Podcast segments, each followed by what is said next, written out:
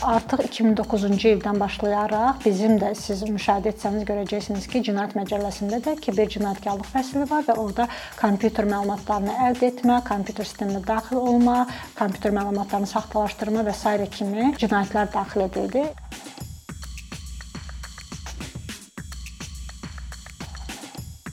Rəqəmsal dünya inkişaf elədikcə onun fəsadları da artır və hər birimiz bəlkə də dünyada hər ikinci və üçüncü insan yəni aktiv internet istifadəçisi kiber zorakılığa məruz qalıb və bu gün biz kiber zorakılıq nədir?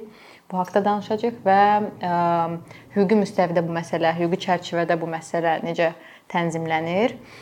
Qonağımız Azərbaycan Respublikası Vəkillər Kollegiyasının üzvü Zibeydə Sadıqovadır. Zibeydə xanım, xoş gəlmisiniz. Təşəkkür edirəm dəvət etdiyinizə görə. Zibedə xanım, kiberzorakılıq nədir? Kiberzorakılıq onlayn sferada insanların üzləşdiyi şiddət formasıdır. Hansı formalarda təzahür edə bilər? Yəni tam ki, sosial şəbəkələrdə mənə tanımadığım bir insan mesaj yazırsa, mən necə ayıra bilərəm ki, bu kiberzorakılıqdır yoxsa deyil? Əslində baxın bu kiberzorakılıq mövzusu çox yeni mövzudur. İlk dəfə ümumiyyətlə kompüter cinayətləri 1960-cı illərdən bu termindən istifadə edilməyə başladı və ilk dəfə ABŞ-da artıq biz görürük ki, kompüter cinayətləri deyilən anlayışlar meydana çıxdı. Sonra 70-ci illərdə, sonra 91-ci illərdə və son 2001-ci ildə artıq kiber cinayətkarlıq haqqında konvensiya, kiber cinayətkarlıq konvensiyası ortaya çıxdı və bundan sonra artıq ciddi şəkildə araşdırmalar başlandı ki, onlayn sferada insanlar hansı cinayətlərlə üzləşirlər. Və sizin dediyiniz artıq kiber zorakılıq, xüsusilə də belə deyim də ən çox da qadınların üzləşdiyi zorakılıq növləri elə 2018-ci ildə BMT-nin yaydığı hesabatda bənd-bənd göstərilib. Bu müxtəlifdir. Məsələn, onlayn sferada təqib və ya da intim fotoların, intim şəkillərin yayılması, yazışmaların yayılması xeyli növünü sadalayıblar, amma bu hələ tam belə deyim də siyahı deyil. Çünki texnika, texnologiya inkişaf etdikcə hər an yeni formaları, şiddətin, zorakılığın yeni formaları meydana gəlir ilk dəfə e, elə bu BMT-nin yaydığı hesabatda ilk dəfə biz orada məsəl üçün e, qisas motivli e, porno məlumatların yayılması və yaxud da insanların anket məlumatlarının yayılması, məsələn, ünvanının yayılması, ad familiya tam formada yayılması və yaxud da yazışmaların yayılması və yaxud da təhqir, böhtan edilməsi və yaxud da hədələnməsi. Hələlik bu siyahılar dəqiq var, amma hər anda artır. Bəs Azərbaycan qanunvericiliyində e, kiberzorakılıq e, anlayışı varmı və buna görə sanksiyalar nəzərdə tutulubmu? Və ümumiyyətlə kiberzorakılığa məruz məruz qalsaq hara müraciət edə bilərik? Bu çox yaxşı sualdır. Əslində e, mən bayaq xatırlatma etdim 2001-ci ildə Budapeştdə kiber cinayətkarlıqla bağlı konvensiya imzalandı və 2009-cu ildə biz həmin konvensiyanı ratifikasiya elədik və artıq 2009-cu ildən başlayaraq bizim də siz müşahidə etsəniz görəcəksiniz ki, Cinayət Məcəlləsində də kiber cinayətkarlıq fəsli var və orada kompüter məlumatlarını əldə etmə, kompüter sisteminə daxil olma, kompüter məlumatlarını saxtalaşdırma və s. kimi yeni cinayətlər daxil edildi. Onsuz da elə həmin konvensiyanın ratifikasiya edilməsinin mənası da o idi ki, artıq bax siz girişdə də dediniz ki, bu texnika inkişaf etdikcə ki, biz hər dəfə yeni pozuntularla rast gəlirik. Bax bunu tənzimləmək üçün bax bu konvensiya qəbul edildi və onu ratifikasiya edən hər bir dövlətin üzərinə məhz kiber cinayətkarlığı, cinayətkarlıq kimi belə deyim də öz qanunvericiliyinə salmaq öhdəliyi var idi ki, bizdə də bu mövcuddur. Yəni kompüter cinayətləri, kiber cinayətkarlıq bizim cinayət məcəlləsinə qanunvericilikdə rast gəlinir artıq. Və sadəcə bəzi məqamlar var ki, məsəl üçün uşaq pornoqrafiyasını yaymaq və ya da porno materialları yaymaq, müəlliflik hüquqları barəsində məlumatları yaymaq, ələ keçirtmək və yaxud da digər şəxsi məlumatları yaymaq, bunlar da bizim qanunvericilikdə tənzimlənir. Hansı ki, konvensiyada buna öhdəlik qoymuşdur və ratifikasiya edən dövlətlər öz qanunvericiliyində dəyişikliklər dəyişikliklər ediblər.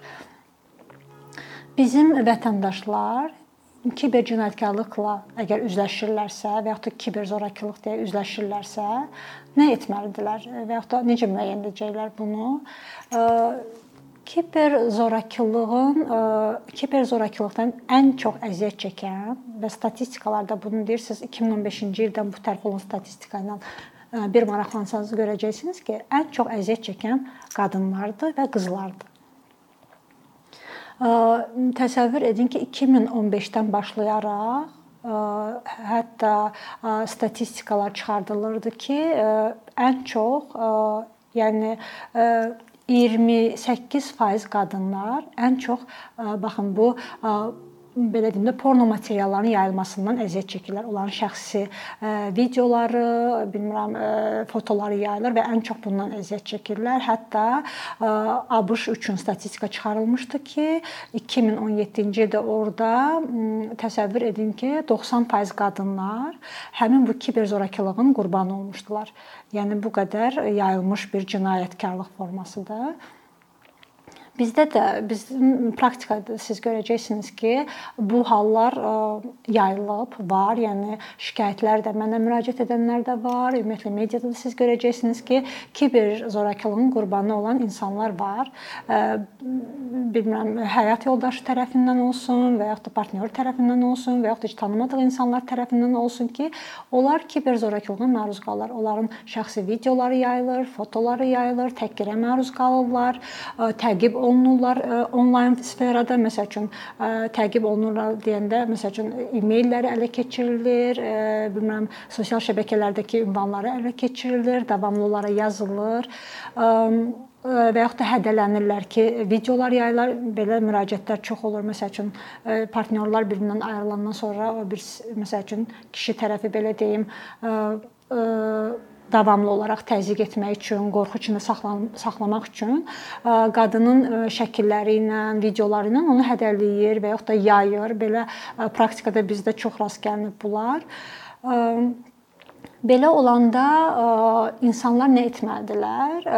Bizdə bunu tənzimləyən xüsusi ayrıca bir qanunvericilik yoxdur təəssüf ki, amma ümumi ümumi qanunvericilikdən maddələrdən bunu tənzimləmək mövcuddur. Məsələn, şəxsi materialların, şəxsi məlumatların yayılması bizdə cinayət məcəlləsində cinayət sayılır, yazışmaların yayılması cinayət sayılır, porno materiallarının, uşaq pornoqrafiyasının yayılması cinayət sayılır və yaxud da qadağan edilmiş informasiyanın yayılması inzibati xəta sayılır. Yəni qanunvericilik tənzimləyir. Ona görə əgər vətəndaşlar həqiqətən də kiber zorakılığın qurbanıdırlarsa, bundan əziyyət çəkirlərsə, mütləq ki, prokurorluğa, hüquq mühafizə orqanlarına, prokurorluğa və polisə şikayət etməlidirlər. Bəs siz praktikada çətinliklərlə rastlaşmısınız? Yəni tutalım ki, sizə müraciət edənlər və ona onlara kömək etdiyiniz zaman ərizələrin yazılmasında, daha sonra bu məsələlərin araşdırılmasında Hansı çətinliklər var? Çətinliklər həmişə mövcuddur. Çətinliklər həm də ondan irəli gəlir ki, qanunvericilikdə kifayət qədər boşluq var bu sahədə. Əsas çətinliyimiz ondan ibarətdir ki, qadınlar birincisi üzləşdiyi şiddəti e, çox vaxt seçə bilmirlər, başa düşmürlər və e, bu situasiyada nə edəcəklərini bilmirlər. E, təsəvvür edin ki, hədələnən qadınlar var ki, sənin fotonu yayacağam, videonu yayacağam. Onlar məcbur olub həmin abuzerə geri dönürlər. Bu çox geniş yayılmış bir mövzudur. Tək onlayn sferada yox, adi məişət zorakılığı formasında da görəcəksiniz ki, qadınlar adətən bilməm məcburiyyətdən, psixoloji durumlarından deyim, abuzerə qayıdırlar və bu situasiyada da həmişə elə olur, çox vaxt elə olur. Və yaxud da şikayət edirlərsə, Problem həmişə ondan ibarət olur ki, biz tutaq ki, internet sferasında həmin video, fotonu tutaq ki, sildirə bilirik müraciət edirik sosial şəbəkələrə, bilmirəm mütəxəssislərə müraciət edirik, sildirə bilirik. Lakin onu yayan şəxsin mənbəyini müəyyən etmək çətinlik çəkirik və yaxud da biz tutaq ki, şikayətlə müraciət edirik və bu şikayətin araşdırılması çox uzun çəkir və yaxud da biz heç də həmişə pozitiv cavab ala bilmirik.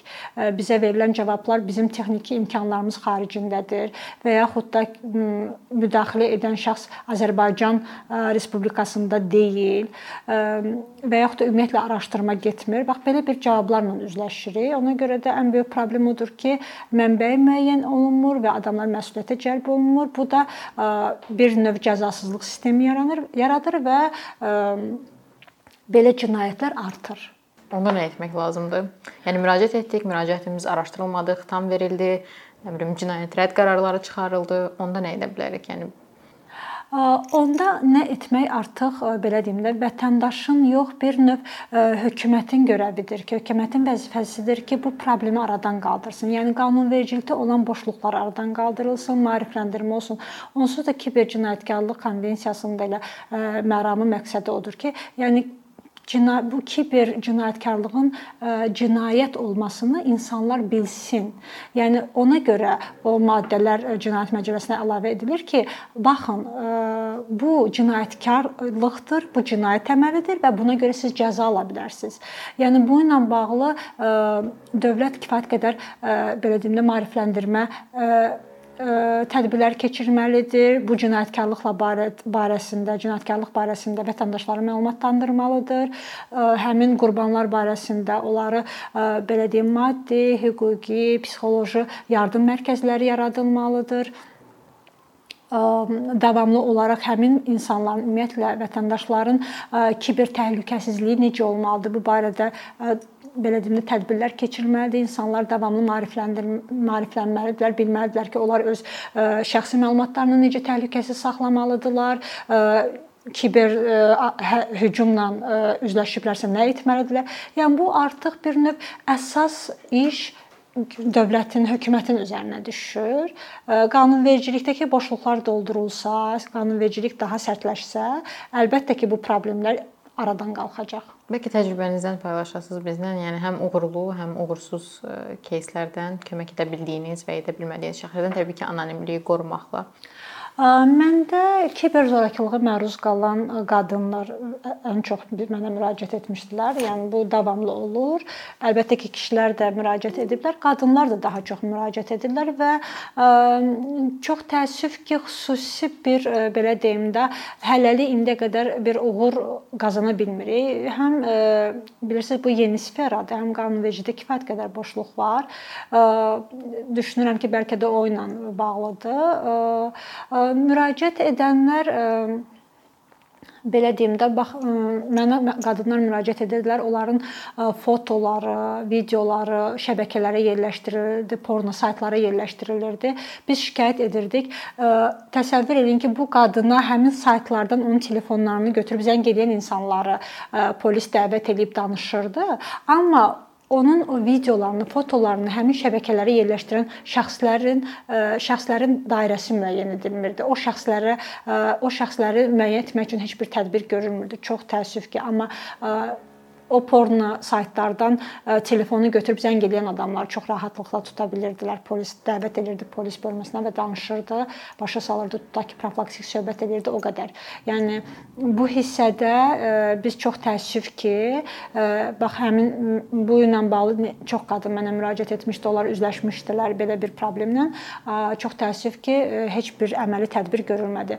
Və yaxud da mənə müraciət edən qadınlar var idi hansı ki, onların şəxsi məlumatları əldə edilmişdi və onlar ə, sosial şəbəkələrdə yayılırdı. Biz ə, kifayət qədər ə, bütün çox dövlət orqanlarına müraciət etdik. Təsəvvür eləyin, Daxili İşlər Nazirliyinə müraciət edirdi, prokurorluğa müraciət edirdi. Çünki şəxsi məlumatların yayılması bilirsiniz, prokurorluğun ə, səlahiyyətləri çərçivəsindədir. Rabitə Nazirliyinə müraciət edirdi. Çünki kiber cinayətkarlıqla mübarizə onlarda elektron ə, təhlükəsizlik mərkəzi var. Onlar araşdırırlar. Çox təəssüf ki, yəni biz heç bir e, nəticə əldə edə bilmədik. E, və məsələ necə qaldı? Yəni o həmin adamların şəxsi məlumatlarını yayan şəxs müəyyən olunmadı. Biz bax həmin qərarlardan məhkəmələrdə şikayət etdik və məhkəmələr də hüquq mühafizə orqanlarının haqlı qərar qəbul etdiyini təsdiq et etməklə kifayətləndilər. Yəni o hissədə də belə deyim də hələ bizim mübarizəmiz belə deyim, açıq qalıb. Yəni hələ də bu məsələ həllini tapmayıb ki, şəxsi məlumatları yayan adamlar cəzalandırılsın ki, bu digər adamlara da bir örnək olsun. Adamlar görsün ki, şəxsi məlumatı yaymaq olmaz. Çünki bu onlayn əsas da bayaq söylədim, qadınlarımız üzləşirlər və bu onlayn cinayətkarlıq, onlayn zorakılıq əslində adi zorakılıq, adi şiddət, fiziki şiddət və ya psixoloji şiddətdən də ağır şiddət formasıdır. Çünki burada fiziki təmas olmasa da, amma bir saniyənin içində qadının bütün nüfuzu zədələnir. Onun bütün o şəxsi məlumatları, fotoları, videoları, səs yazıları, anket məlumatları bütün dünyaya yayılır və bunun nəticəsində o nüfuzunu itirir, ona ona çox belə deyim də ağır formada psixoloji travma alır, işindən olur. Yəni çox belə deyim baskılarla üzləşir və bu qadın üçün ağır bir belə deyim də ağır şiddət formasıdır. Yəni biz onlayn şiddət də deyib keçə bilmirik heç vaxt. Bu daha ağırdır və bu indi daha çox yayılıb. Ona görə bu barədə çox ciddi addımlar atılmalıdır bu ilə mübarizə sahəsində. Bəs xarici ölkələrin təcrübəsi bu sahədə necədir? Biz necə faydalana bilərik onların bu sahədə uğurlu siyasəti, bəlkə sanksiyaları hansı formada tətbiq eləyirlər? və siz hansı formada görürsüz? Yəni bunu birbaşa bizim cinayət məcəlləsində kiber zorakılıq kimi ayrıca bir maddə kimi əlavə olunmasını mı, yoxsa hansısa bir başqa ölkənin təcrübəsindən istifadə etməkmi? Bu yaxşı sualdır. Çünki elə biz həmişə bizim də qanunvericilik beynəlxalq təcrübənin əsasında formalaşır. Yəni dünya yəni dünyada qaçılmazdır da. Ta ki cinayət yayılıbsa, bütün belə deyim də ölkələrdə də yayıla-yayıla gedəcək. Məsələn, bax kiber zorakılıq, bax texnika inkişaf etdikcə ki, bu cinayətkarlıq artır ölkələr yığılırlar və e, öz belə deyim də e, statistikaları müəyyən edirlər, sorğular keçirdirlər, əhalinin üzləşdiyi problemləri müəyyən edirlər və nəticədə o ilə bağlı da qanunvericilik formalaşdırırlar. Və çox ölkələr, Böyük Britaniya olsun, Yaponiya, İsrail, e, Amerika Birləşmiş Ştatları olsun, onların artıq hamısında demək olar ki, konkret porno qisas məqsədi ilə yayılan intim videolarla bağlı konkret sanksiya var. Yəni təsəvvür edin ki, 5 ilə qədər azadlıqdan məhrum etmə cəzası müəyyən edilir. Əgər bir e, şəxs digər şəxsin intim e, fotolarını, videolarını yayırsa, ona artıq 5 il müddətinə 5 ilə qədər həbs düşür və o bu əməli ikinci dəfə törədərsə, daha ağır cəza nəzərdə tutulur. Bununla yanaşı həm də həmin e, zorakılıq qurbanı olan insanlara da xüsusi mühafizə orderləri nəzərdə tutulub ki, onlar cinayət prosesi gedə-gedə, istintaq araşdırma gedə-gedə həmin adamlar mühafizə orderindən e, təmin edilirlər. Yəni artıq abuser onlar o ilə kontakta keçə bilməz, ona zəng edə bilməz, onun fotolarından istifadə edə bilməz. Ümumiyyətlə həmin abuser təsəvvür edin, internet sferasına girə bilməz. Yəni bu təcrübədən biz mütləq ki istifadə etməliyik ki, həmin ölkələrdə artıq bunlar bu e, əməllər konkret e, cinayət əməli kimi təqdim edilir tərtib edilib, təqdim edilib və çox ağır da sanksiyalar nəzərdə tutulub. Zübeydə xanım, təşəkkürlər məlumat üçün. Ümid edirəm ki, faydalı oldu hər kəs üçün.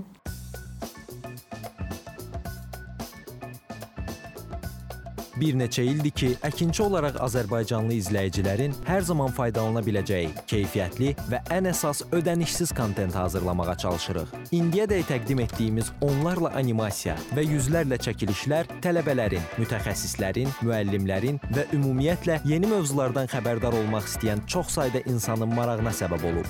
Bu illər ərzində hazırladığımız videolar təhsil, texnologiya, ictimai fəallıq, iqtisadiyyat, gender bərabərliyi, ətraf mühit, ifadə istifadə azadlığı, hüquq, demokratik inkişaf, mədəniyyət və digər mövzuları əhatə edib. Məqsədimiz çoxlu baxış gətirən deyil, çoxlu fayda gətirən videolar hazırlamaqdır. Amma bu düşündüyümüz qədər asan deyilmiş. Gördüyümüz iş kifayət qədər resurs, əmək və təbii ki, davamlılıq tələb edir. Bu səbəbdən Patreon platformasından istifadəyə başladıq. Əkinçinin Patreon hesabının populyarlaşmasına çox böyük ümidlərimiz və gözləntilərimiz var. Bəziləriniz Patreon haqqında ilk dəfə eşidirsiniz. Əslində çox sadə izahı olan bir platformadır. Təsəvvür edin ki, siz rəssam və ya musiqiçisiniz. Sosial şəbəkələrdə sizi izləyən, işinizi bəyənən çox sayda insan var. Patreon platforması sizə imkan verir ki, izləyicilərinizin könüllü aylıq ödənişləri sayəsində işinizi davam etdirəsiniz. Sərgi, konsert zallarından asılı qalmayasınız. Amma bu təkcə rəssam və musiqiçilərə aid deyil. Məsələn, əkinçiyə bənzər fəaliyyətlə məşğul olan bəzi layihələrin 10 minlərlə patronu var. Biz də düşündük ki, nə üçün əkinçinin Patreon hesabı olmasın? Sizin dəstəyiniz sayəsində biz daha çox və daha keyfiyyətli kontent yaratmağa davam edə biləcəyik. Amma bu dəstək yalnız maddi dəstək deyil. Dəstəkçilərimizin sayının artması gördüyümüz işlərin faydalı olduğuna dair əminlik verir. Patreon platformasından istifadə çox sadədir. Hesabınızı açırsınız, sizə uyğun dəstək növünü seçirsiniz və Patreon özü hər ayın ilk günü kartınızdan seçdiyiniz dəstək növünə uyğun ödəniş tutur. Bu qədər. Sonda onu demək istəyirik ki, dəstəkçilərin sırasına qoşulmaq istəyən, amma məhdud imkana görə bunu edə bilməyənlər narahat olmasın. Daha öncə dediyimiz kimi, bizim əsas məqsədimiz daha çox insanın hər zaman faydalana biləcəyi keyfiyyətli və ödənişsiz kontentin yaradılmasıdır. Bunun üçün mütləq patronumuz olmalısınız deyə məcburiyyət yoxdur. Amma imkanınız patron olmağa çatırsa və bizim işimizi bəyənirsinizsə, patronlarımızın sırasına qoşulmağınız bizim üçün çox önəmlidir.